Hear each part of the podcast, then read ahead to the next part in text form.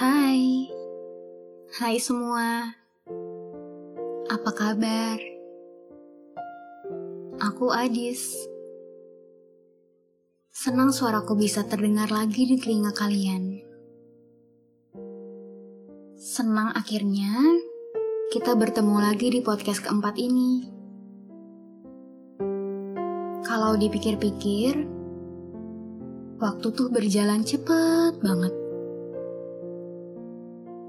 Tahu-tahu udah episode keempat aja.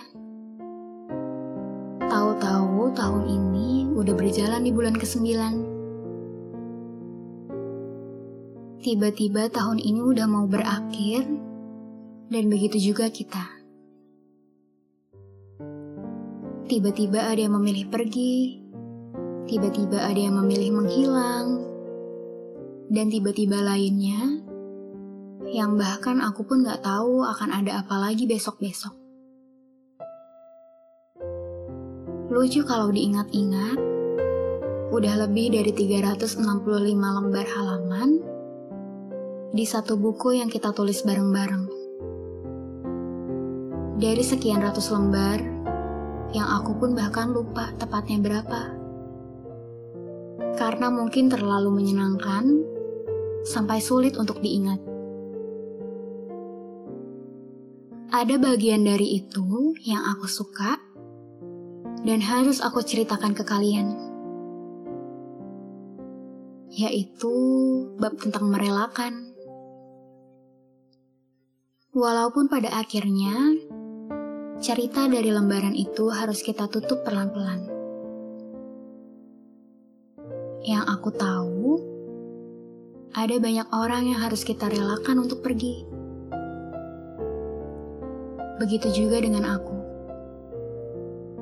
Yang ya, walaupun yang harus aku relakan itu juga kamu. Dua kutub yang berbeda buat kita susah untuk memahami isi otak masing-masing. Kalau dulu kita kira kita tepat untuk satu sama lain, ternyata kita salah ternyata terlalu banyak perkiraan yang salah. Jadi, jangan dipaksa ya. Jangan. Karena aku sadar kalau kita emang berbeda. Walaupun terlihat dekat, semestaku dan kamu berjauhan.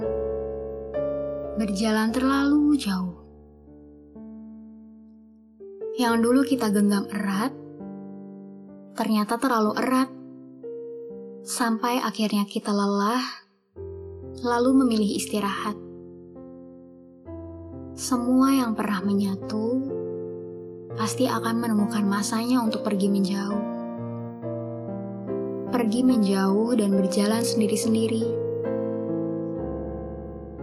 Sekarang, aku dengan hidupku kamu dengan hidup kamu. Dan itu nggak apa-apa.